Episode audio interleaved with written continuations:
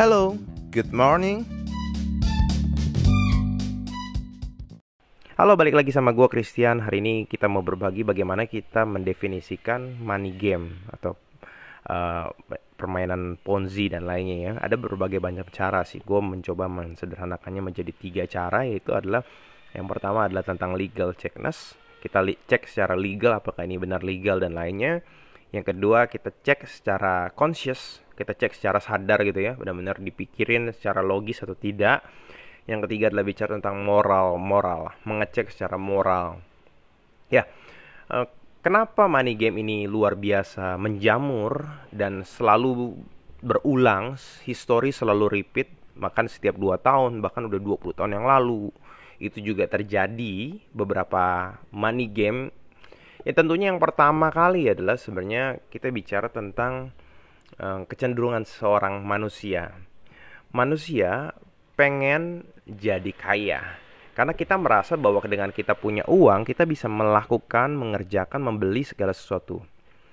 Dan yang kedua adalah bicara tentang uh, dalam hukum Yunani ya di, di Yunani kuno ada tujuh dosa berat gitu ya. Yang pertama itu adalah si Lucifer atau dosanya adalah pride, kebanggaan. Yang kedua adalah mamon atau greed, keserakahan. Ada namanya yang ketiga adalah Asmodeus, lust atau nafsu seks. Ada Leviathan, itu adalah envy atau iri hati. Ada Belzebub, Belzebub itu adalah gultoni alias rakus makan. Ada setan atau Amon, itu wrath atau kemarahan. Ada juga yang terakhir adalah Belpegor atau slot atau kelemah, kemalasan. Nah, buat gue pribadi satu hal yang mendasari adalah yang pertama adalah envy atau yang tadi kita bilang adalah leviathan, envy iri hati. Banyak kecenderungan selain dari greed ya, tentunya ada dua ya, envy dan yang kedua greed. Nah, envy adalah dengan zamannya media sosial saat ini digitalisasi, ada banyak orang memamerkan kekayaannya, memamerkan uh, status sosial dan lainnya, bahkan keuntungan dan lainnya orang cenderung pengen gitu ya. Pengen. Karena memang cenderung manusia adalah selalu berpikir apa yang tidak dia punya. Padahal salah. Yang harusnya dilakukan yang sering kali tidak tidak tidak mainstream ya ya tentunya adalah fokus dengan apa yang kita miliki. Kenapa kita harus fokus dengan rumput tetangga yang lebih hijau? Padahal mungkin saja rumput tetangganya juga nggak hijau. Hijau itu karena dirawat. Nah envy ini ada the father of the great. Envy ini adalah bapaknya dari kerakusan. Ketika kita iri, satu kita jadi pengen ikutin.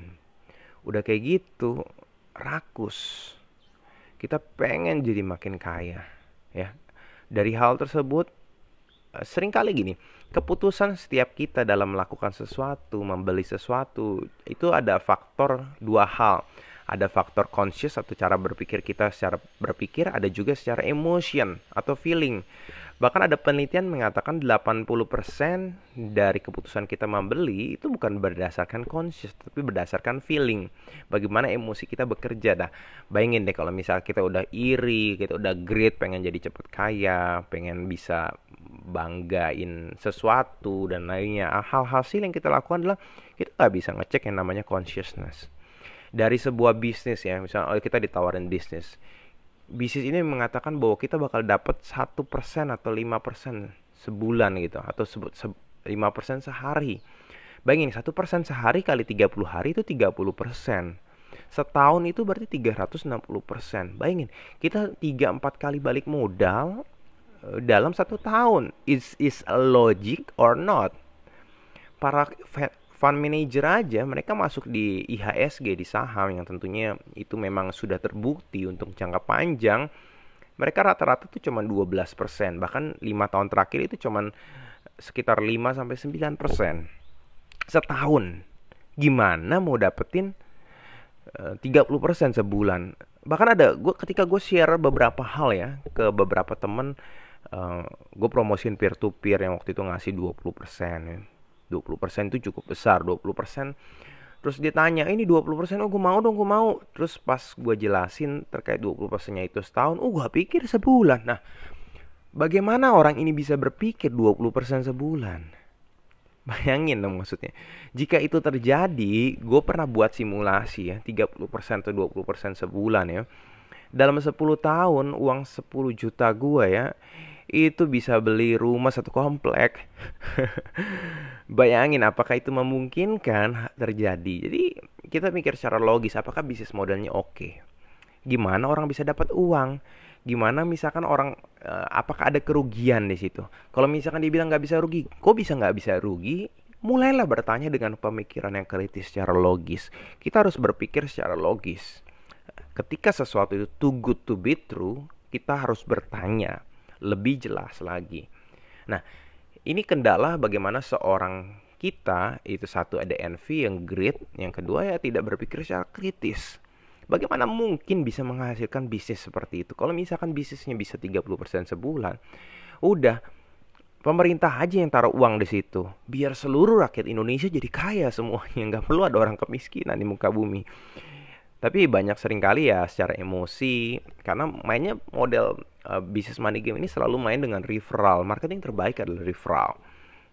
Nah, dia main referral dari orang-orang terdekat kita. Jadi, orang-orang yang terdekat kita itu adalah orang-orang yang sangat berpotensi untuk menipu kita atau mungkin mengajak kita ke dalam money game tersebut. Jadi, itu yang harus kita pikirkan bagaimana consciousness kita atau secara sadar kita berpikir secara logis kalau memang kita nggak ngerti di bisnisnya boleh tanya ke orang yang lebih mengerti yang memang uh, cukup lama main di situ gitu ya. Cukup ma main lama di bisnis bisnis tersebut. Tapi jangan nanya sama orang yang sudah play uh, yang sudah main ada di dalam money game tersebut. Misalkan kita ditawarin bisnis baru ya kita mulai mikir bagaimana profit gue yang bisa gue dapetin. Kalau profitnya juga terlalu besar ya ampun deh dari situ ya kita udah bisa berpikir. Tapi nggak heran ada banyak orang-orang yang pendidikan yang tinggi S1, S2, S3, STLR juga. Mereka ikut di model-model yang seperti itu. Itu yang mengerikan ya. Yang itu yang pertama. Yang kedua adalah kita harus cek dalam legal. Apakah legal di sini? Bayangin deh ada yang jual mainan um, trading ya. Trading tapi tidak terregistrasi uh, kalau kita ngomong trading forex atau berjangka itu harus terregistrasi di Bapepti di Indonesia. Kalau dia mengumpulkan dana dan lainnya dia harus terregistrasi di otoritas jasa keuangan. Bisnisnya pun apa? Kalau itu tidak ada kedua itu, kita harus tanda tanya. Bayangin deh, nggak ada registrasi di regulasi eh, yang ada regu, reg, terregister di regulasi aja, ketika uangnya hilang, sulit untuk mengembalikannya Bayangin gimana nggak ada terregistrasi. Uangnya bisa dibawa kabur dengan cepat, dengan tanpa apa, tanpa hitungan waktu gitu, cepat banget. Bayangin ada orang yang berani dan nggak ngerti ngecek legalitasnya. Bayangin ada orang ngomong tadi tadi ya, jual trading, tradingnya juga pakai robot, pakai robot, jadi nggak terdaftar di Bapepti dan lainnya, tapi bilangnya legal. Legalnya apa? Legalnya pakai uh, izin ebook jual ebook. Ya ampun masa jual robot pakai jual ebook dan lainnya? Is is doesn't make sense. Jadi kita harus cek juga secara legal apakah legal ini tepat gitu. Ada yang ngomong jualan iklan dulu zaman itu ada Alimama ada yang Mimaus ada Mia FX ada Sunmot dan lainnya. Cek legalnya. Kalau nggak ngerti ya harus ngerti. Karena ini menyangkut tentang duit lo loh ketika lu merasa bahwa itu nggak penting mungkin lu nggak nggak mencari ini duit loh. Ini yang lu kumpulkan ber, berapa lama gitu. Cek yang kedua cek legalnya. Dan yang ketiga buat gue pribadi ada orang yang satu dan dua udah ngecek gitu ya dan tahu bahwa ini adalah money game tapi yang ketiga secara yang ketiga adalah moral. Secara moral dia nggak nggak mikirin. Jadi dia udah tahu money game tapi dia ikutan main karena dia akan yang pertama dan dia mungkin profit yang rugi adalah orang-orang yang ikut terakhir. Nah secara moral kalau kita udah tahu yang pertama dan yang kedua ya kita nggak boleh ikut. Nggak boleh karena namanya money game dan lainnya mereka pasti pakai model caranya adalah referral dan merekrut member lain. Karena money game itu adalah perputaran uang yang cuma dapat dari perputaran orang-orang yang ikut baru jadi uang yang orang yang register baru tuh diputer dan lainnya jadi secara moral kita harus berpikir ke arah situ kalau misalkan kita nggak berpikir ke arah situ um, mengerikan banyak orang yang dirugikan Jadi buat gue gampang banget sih mendefinisi money game. Yang pertama adalah consciousness aja. Pikirin secara bisnisnya, jelas atau tidak. Legalnya oke nggak? Yang ketiga, ya tentunya buat gue moral. Sebagai seorang yang mengerti di financial dan lainnya, dan ekonomi tentunya gue punya moral gitu. Tentunya gue nggak mau orang-orang lain tertipu dengan hal-hal yang nggak jelas gitu. Jadi itu yang gue lakukan sih. Jadi how to define your money game ya tentunya itu ber, harus berasal dari diri kita sendiri. Yang pertama envy yang tentunya harus kita hilangkan saat ini. Yang kedua greed, keserakahan. Yang ketiga harus berpikir kritis. Yang keempat ya punya hati yang mulia. Hati yang mulia itu bukan bicara tentang apa, gimana yang terlalu luar biasa, tapi sebenarnya punya moral aja. Moral gimana nggak mau merugikan orang lain. Jangan pernah merugikan orang lain karena nanti pada akhirnya ya orang akan nanya kerugiannya ke kita dan lain-lainnya. Jadi buat gue itu aja sih. How to define your money game ya gampang banget. Lihat aja kalau too good to be true bertanya, tanyakan. Jadi banyak tanya akan membuat kamu bisa lebih terhindar dari money game. Tapi kalau memang lu udah tahu dan lu mau main ya itu kembali lagi ke setiap moral setiap orang ya. Buat gue pribadi ya big no tapi buat sebagian orang itu kesempatan ya untuk dia main di situ. Tapi ya kembali lagi itu pilihan setiap orang. Oke itu aja dari gue thank you and God bless you. Bye bye